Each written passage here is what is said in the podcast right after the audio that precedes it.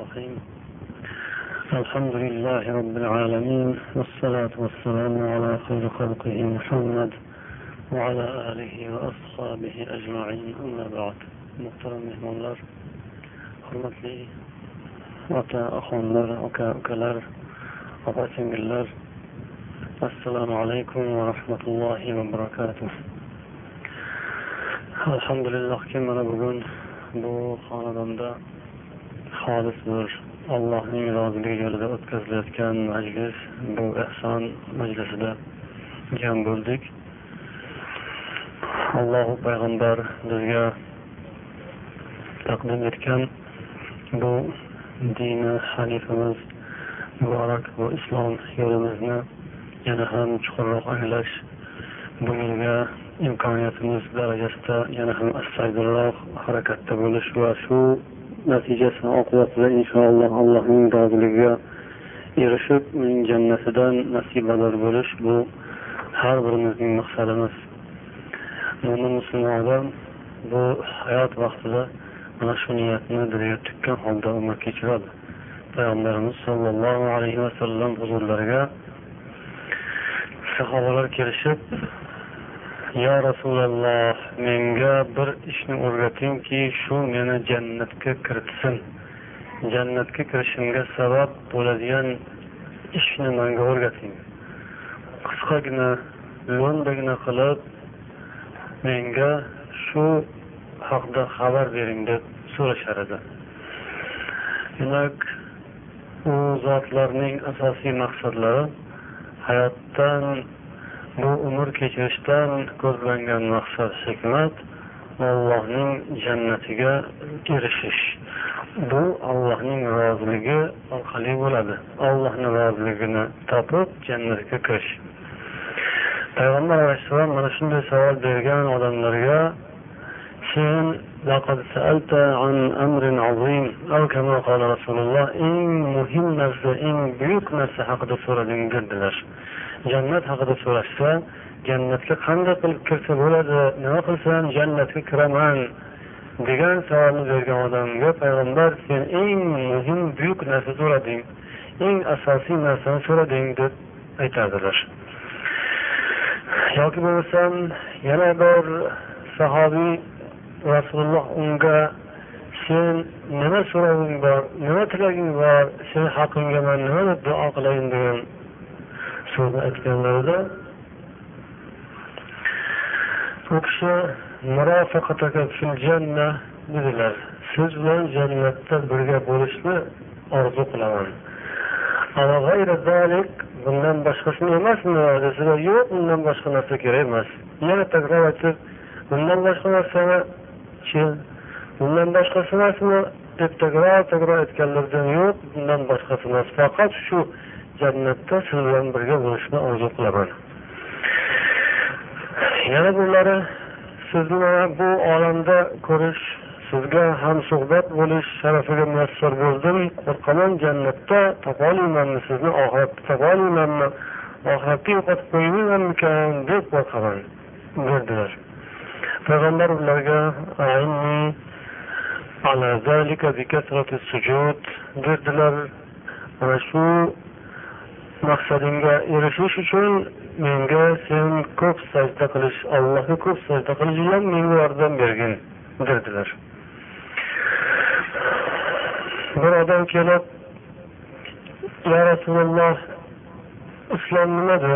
deb so'raganda payg'ambar alayhissalom islom bu ollohga iymon keltirishing besh mahal namoz o'qishing dedilar. Undan boshqasi emasmi? Yo'q.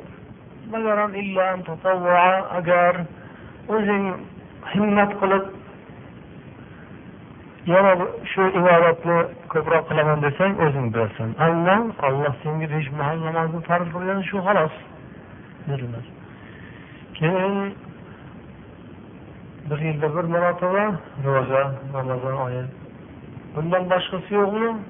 Yo'q shuning o'zi agar nafl ro'za tutaman deydigan bo'lsang u yana mumkin. Keyin sen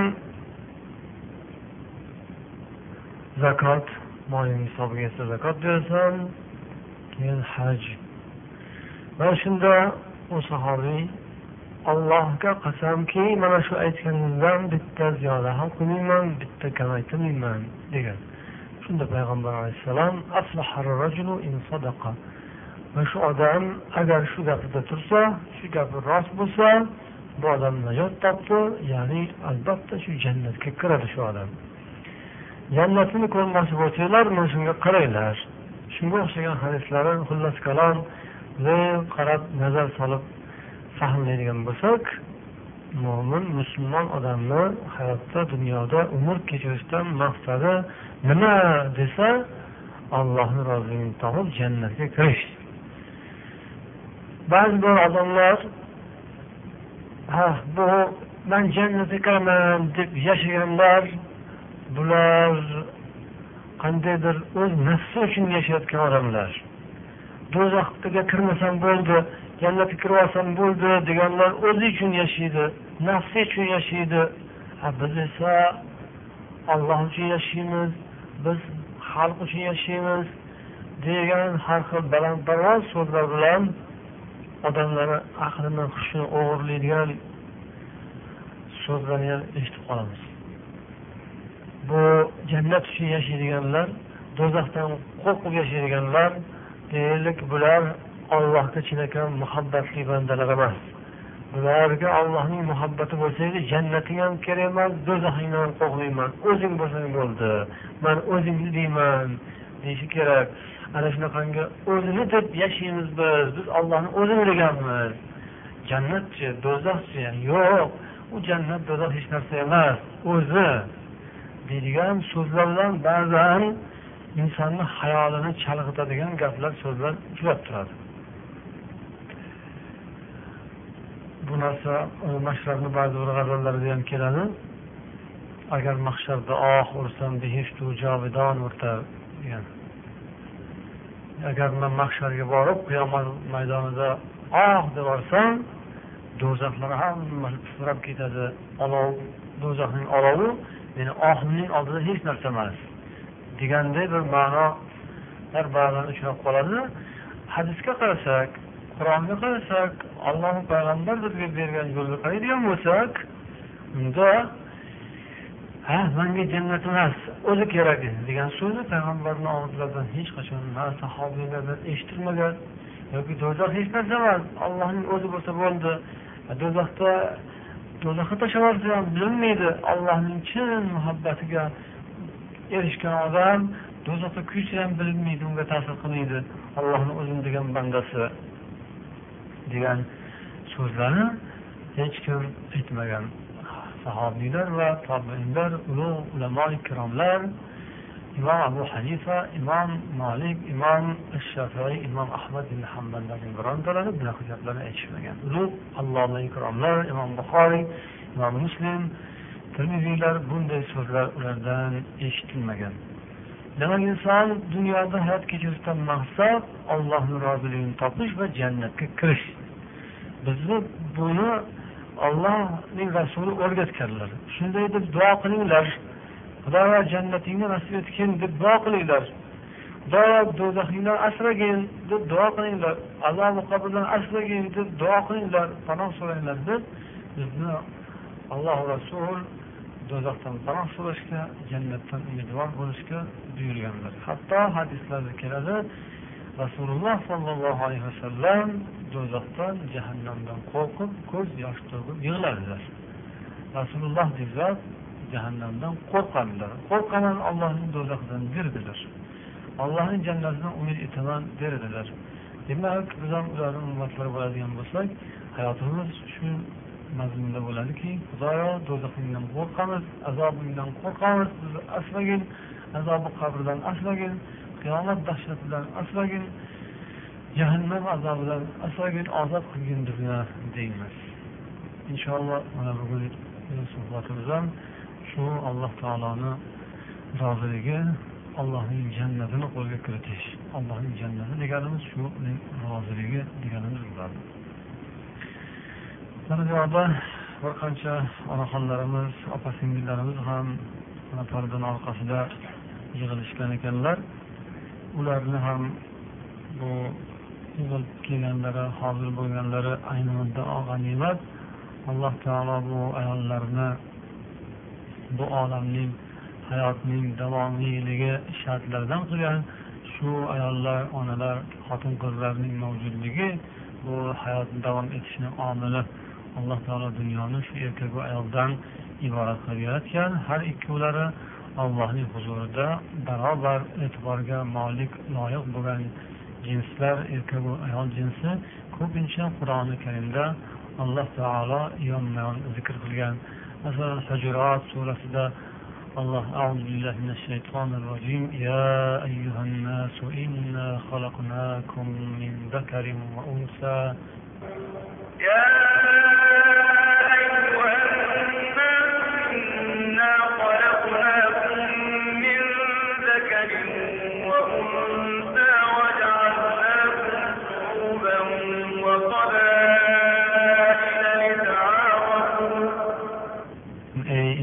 insonlar biz sizlarni bir erkak va ayoldan yaratdik degan. Hammanglarni odamdan yaratdik bitta inson odamdan yaratdik debgina qolib qo'ymasdan bu yerda erkak va ayoldan yaratdik deb barobar ikkovlarini zikr qiladi. Yana bir oyatda nahl surasining to'qson yettinchi oyatida esa alloh aytadiki من عمل صالحا من ذكر أو أنثى وهو مؤمن فلنحيينه حياة طيبة. فلنحيينه حياة طيبة ولنجزينهم أجرهم بأحسن ما كانوا يعملون. من عمل صالحا من ذكر أو أنثى وهو مؤمن فلنحيينه حياة طيبة ولنجزينهم أجرهم بأحسن ما كانوا يعملون xoh erkak bo'lsin xoh ayol bo'lsin kimki yaxshi solih amallarni mo'min bo'lgan holida bajo qiladigan bo'lsa biz unga bir chiroyli go'zal hayotni ato qilamiz va ular dunyoda qilgan yaxshi amallarining ichidagi eng yaxshisini tanlab turib boshqa amallariga ham o'sha eng yaxshi amalga beriladigan mukofotni berib mukofotlaymiz. Degan ekan. Nima bu yerda olloh insonni erkak va ayolni barobar yonma yon zikr qilib har ikkovlarini alohida ahamiyatga molik zotlar ekanlarini eslatyapti. Mo'min bo'lgan holda iymonli holda amal qilisharkan u amal hech qachon zoyi ketmaydi. Erkak va ayol bu erkakniki qimmatroq ayolniki arzonroq bo'lmaydi. Ikkovlarniki ham alloh taolo barobar mukofotlaydi. Bu mukofoti birinchisi chiroyli go'zal yaxshi hayot ato qilamiz deydi. Bu dunyoda ham mo'min odamning hayoti eng yaxshi hayot. U kambag'al bo'lsa ham u nimadir kamchiligi qandaydir moddiy dunyoviy jihatdan yetishmovchiligi bo'lsa ham baribir uning hayotidek go'zal hayot yo'q dunyoda ham. U kambag'al bo'lsa ham boydek gado bo'lsa ham shohdek yashay oladi hayot kechira oladi. U mo'minligi sharofati bilan baxtu saodat bilan dunyoda o'tadi. Hayotni lazzatini iymon lazzatini topgan inson dunyoda ortiqmi kammi pastmi balandmi undan qat'iy nazar go'zal hayotda umr kechiradi. Biz bunga shu narsani ato qilamiz deganda alloh taolo uning bu dunyodagi hayotini ham iymon sharofati bilan olloh ziynatlab qo'yadi. Eng asosiysichi eng asosiysi oxirat uyi bu haqiqiy hayot shudir degan qur'oni karimda. Lahiyal hayvon haqiqiy hayot haqiqiy tiriklik asli haqiqiy tiriklik oxirat hayotidir. Bu dunyoniki bu dunyodagi vaqtinchada haqiqiysi u hech yo'q bo'lmaydi u yerda o'lim bo'lmaydi u yerda qarilik bo'lmaydi u yerda g'am bo'lmaydi u yerda tashvish bo'lmaydi janjal bo'lmaydi ig'vo bo'lmaydi fitna bo'lmaydi g'iybat bo'lmaydi. Haqiqiy hayot misol hayot bu oxirat hayoti jannat hayoti. Mo'minlarga iymonli kishilarga o'sha va'da qilingan kutib turibdi hammamizni inshaalloh alloh o'sha hayotdan bizga nasib aylasin agar inson iymonsiz holda demak amal qiladigan bo'lsa u yaxshi amal qilgan bo'lsa ham allohning dargohida qabul emas unga mukofot yo'q. Shu dunyoda ammo javob bo'ladi. Mana shu dunyoda rahmat eshitadi. Odamlar maqtaydi boshqa qiladi pulini oladi oylik oladi boshqa mana shu dunyoda u ham harakati behuda ketmaydi. Ammo u jannat deb qilgan emasligi tufaylidan jannat unga berilmaydi. ولنجزينهم أجرهم بأحسن ما كانوا يعملون o'sha erkaku ayol iymonli holda yaxshi amal qilishgan bo'lsa biz ularni qilgan amallari har xil bo'lsa ham katta kichik past baland oz ko'p bo'lsa ham ixlos e'tiqod chin iymon bilan qo'ldan kelgancha harakat qilgan u birovniki ozroq bo'lib qolgan bo'lsa ham kichikroq bo'lib qolgan bo'lsa ham agar olloh marhamatiga olsa shu amallarni ichidan eng yaxshisini tanlab olar ekan. Ya'ni amallar oz ko'p e, undoq bundoq biri nuqsonli biri mukammal. E, eng mukammalini tanlab butun yaxshisini eng qimmatbahosini eng ko'p savob beriladigan tanlab olib qolgan undan pastroq kichikroq bo'lgan amallarga o'sha eng yaxshining bahosini berib hammasiga shunday butun mukofot beramiz deydi. Bu iymon sharofati bilan ixlos harakati qo'ldan kelgancha imkoniyatni ishga solgan holda inson harakat qilsa xudo xohlasa kamchiliklari amallarda bo'lgan nuqsonlari kechirilib alloh dargohida butun solih amallar qatorida yaxshi amallar qatorida qabul bo'lishini umid etiladi. Inson yaxshi niyati bilan ixlos e'tiqodi bilan amalini bajo qilsa va ikkinchisi u amalni shariat qoidasiga muvofiq tarzda bajo qilsa mana shu ikkita shart amalni qabul bo'lish sharti hisoblanadi. Birinchisi ixlos ikkinchisi shariatga muvofiqlik. Shunaqa holda bajo bo'lgan amal kichkina bo'lsa ham oxiratga borguncha inson katta bo'lib qolar ekan. Allohning huzuriga bir inson borganda qiyomatda uning ko'z oldiga uning huzuriga alloh taolo tog'dek savoblarni keltirib qo'yar ekan ba'zi insonlar o'shalardan bo'linglar. Tog'dek savoblarni keltirar ekan shunda bandasi aytar ekanki yo olloh bu nimadi bandam bu seniki? Yo olloh bunaqa amalim yo'qdiyu mani man bu ishlarni qilmaganman dunyoda. Yo bandam bu seniki? Bandasi noqulay bo'lib xijolatlar tortganday bo'lar ekan bu qandoq bo'ldi man o'zim qilmagan amalimga shuncha mukofot olamanmi? deganda olloh eslatarkan ey bandam u falon kuni falon joyda qilgan yaxshi ishing amaling u kichkina ediku u kichkina edi ozgina edi. Lokin chin ixlos bilan qiluvdi e'tiqoding bilan faqat olloh uchun. Olloh rozi bo'lsa bo'ldi odamlar nima desa desin. Odamlar yomonlasa yomonlasin. Odamlar nima qilsa qilsin desa desin bu olloh uchun deb qiluvding shu ishing kichkina edi.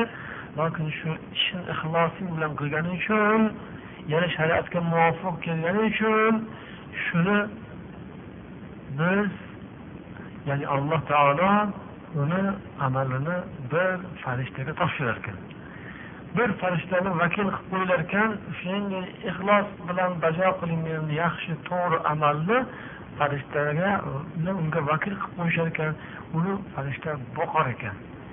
Uni xuddi bir qo'zichoqni boqib katta qilib semirtirgandek o'sha kichkina amalni semirtirar ekan. Alloh uni jasadga jussaga aylantirar ekan. Keyin qiyomatga borganda katta tog'dek bo'lar ekan.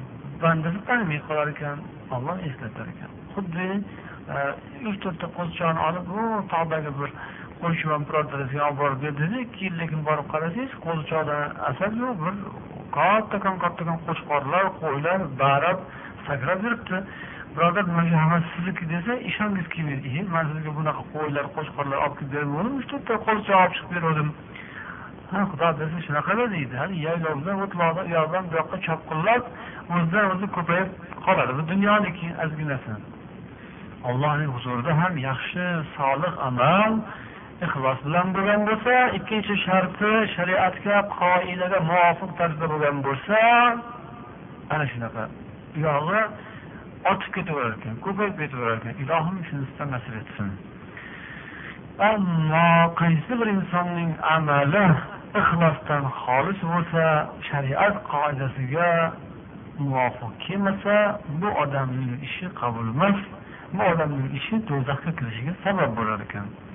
Jahannamga do'zaxga birinchi kiradiganlar olimlar mujohidlar boylar. Do'zax jahannam birinchi qizdirib beriladigan odamlar shular bo'ladi deb rasululloh sollallohu alayhi vasallam aytganlar. Qanaqalar olimlar amali bo'lgan amali bo'lmagani ko'p kunda lokin amali bo'lib turib amalini riyo uchun qilgan. Odamlar ko'rsin maqtanishi uchun qilgan riyokor olimlar birinchi bo'lib do'zax eshigini qoqadilar.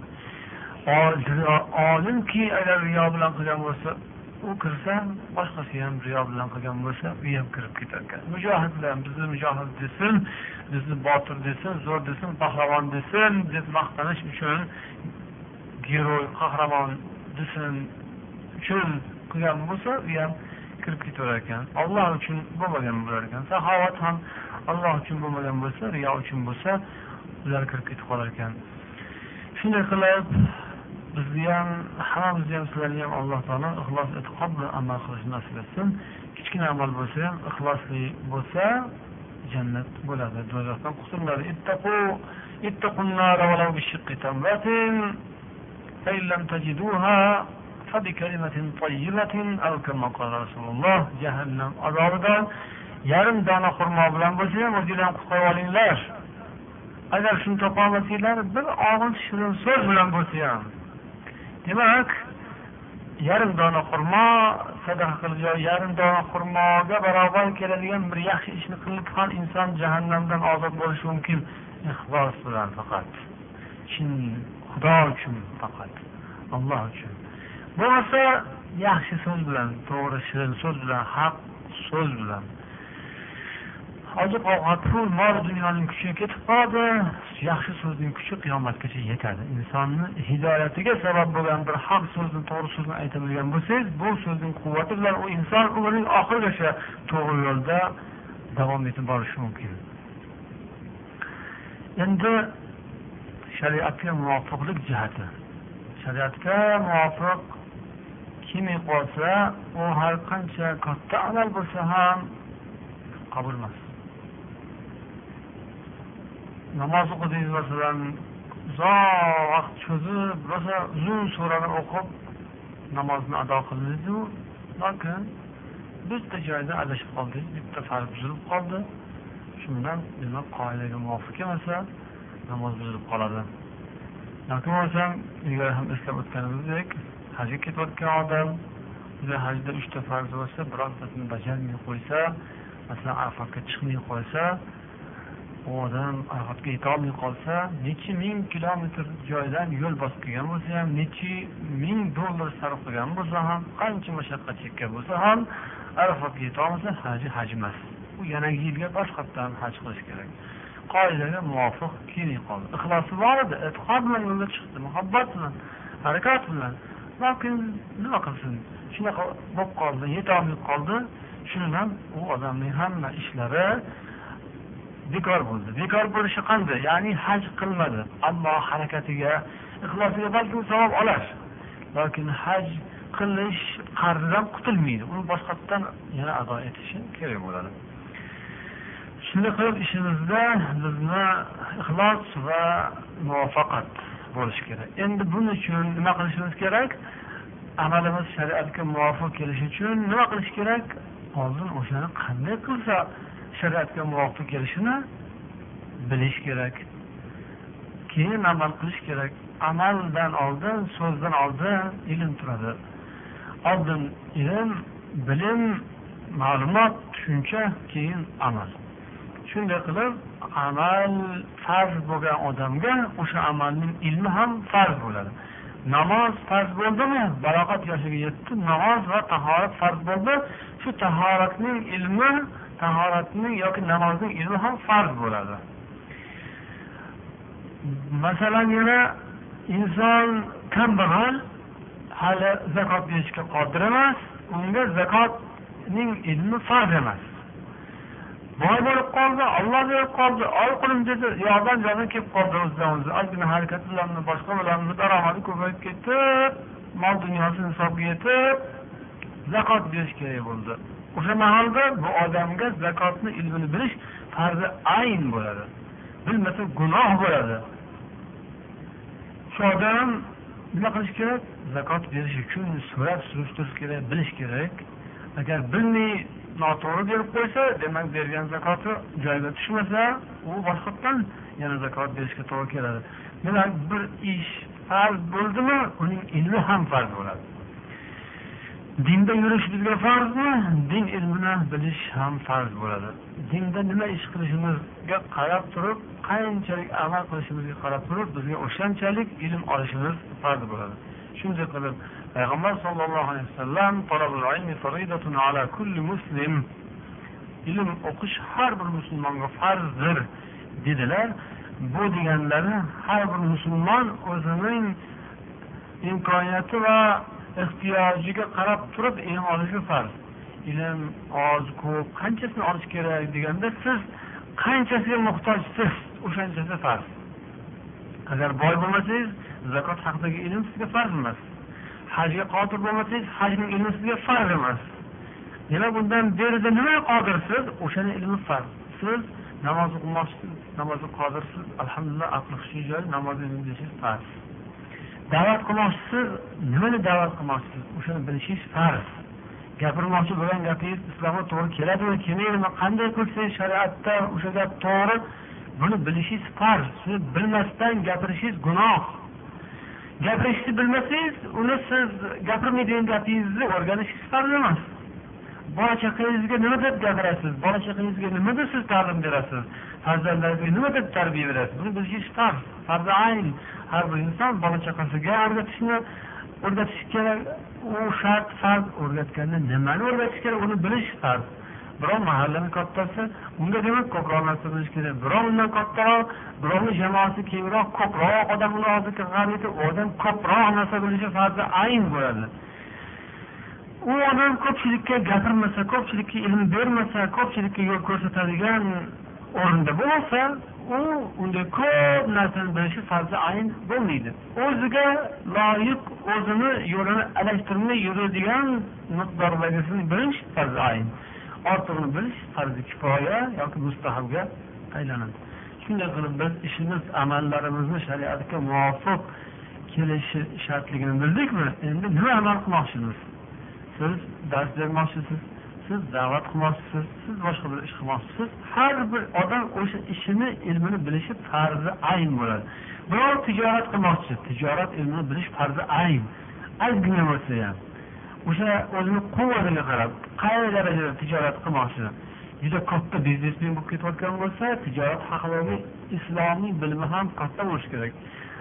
Ozgina u arzimagan narsa olib sotib turibdi lokin o'shanga yarashasini bilishi unga farz ayn bo'ladi. Birov novvoy birov oshpaz birov boshqa o'shani ilmini bilib olishi unga farz. Birov qassob qassob bo'lsa qo'yni molni qanday qilib so'yish ilmini bilishi farzi ayn bo'ladi unga. Shunday qilib har bir inson jamiyatda hayotda egallab turgan o'rniga qarab unga farz bo'ladi. Nimadir? O'sha narsa ikkinchi odamga farz bo'lmaydi. Shuning uchun har birimiz o'zimizni kuchimizni bilishimiz kerak nimaga yetadi. O'zimizni vazifamiz nima ekanligini bilishimiz kerak o'shanga qarab o'sha sohani o'rganishimiz kerak. Kimdir demak talabalarga dars bermoqchi bo'lsa u odam birinchi nima ilmini bilish kerak. U odam birinchi galda aqida ilmini bilish kerak e'tiqod ilmini bilish kerak iymon ilmini bilish kerak. Chunki dars beradigan odam yoki da'vat qiladigan odam birinchi nimaga chaqiradi? Odamlarni iymonga islomga chaqiradi.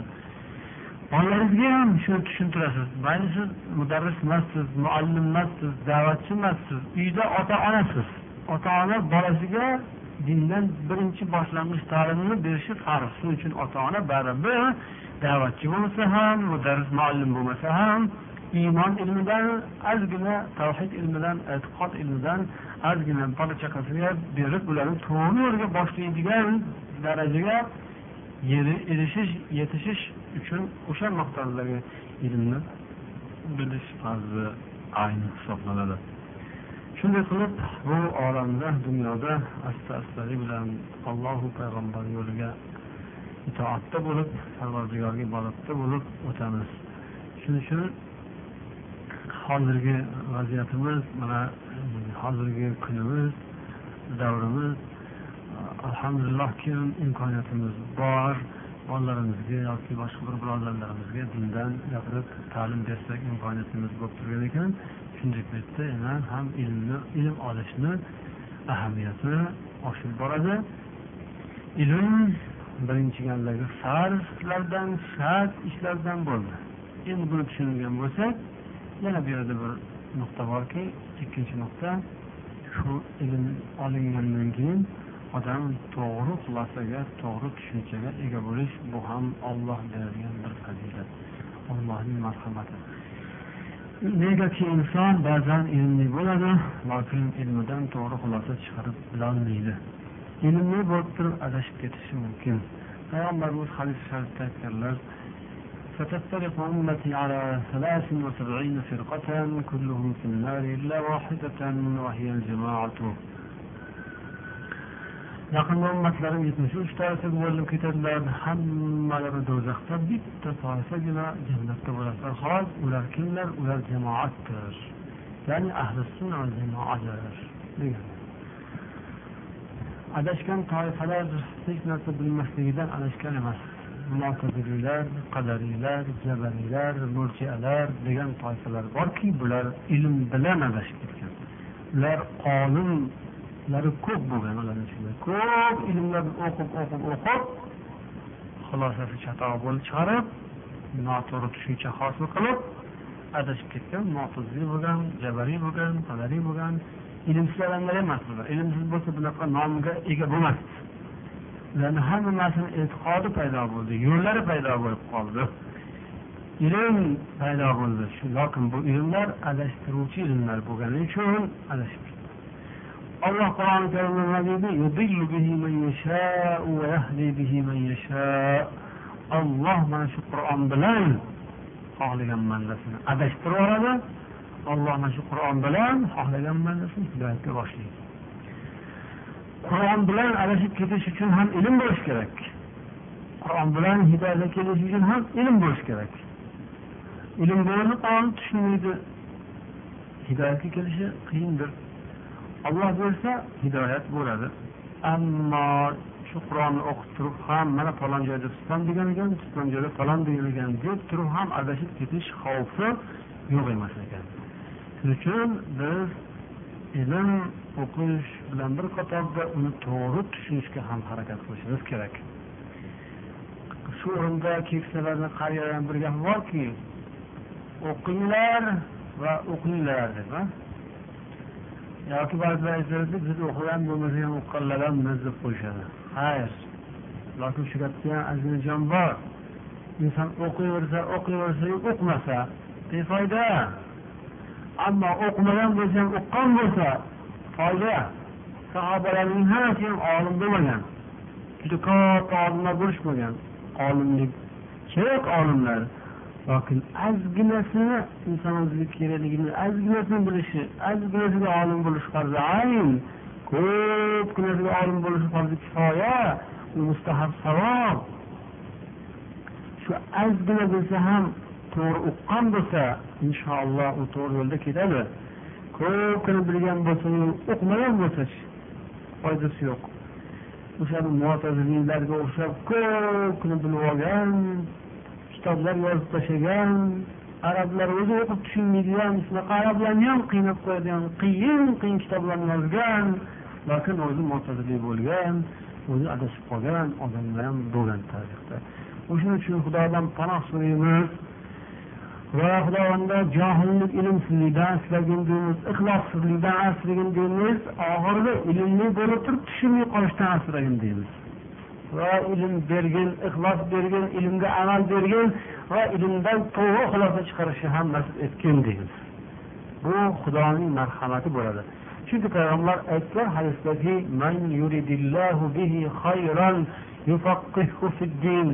olloh kimgaki yaxshilikni nasib etishni xohlar ekan o'shani dinni to'g'ri tushunadigan qilib qo'yadi. Yufaqqihhu ana arabcha biladigan ukalarimiz opalarimiz yaxshi tushunadilar. Fiq tushunish degani fiq tushuncha degani to'g'ri tushuncha hosil qilish. Kim xudo yaxshi ko'rsa dinni to'g'ri tushunadigan qilib qo'yadi. Demadilar.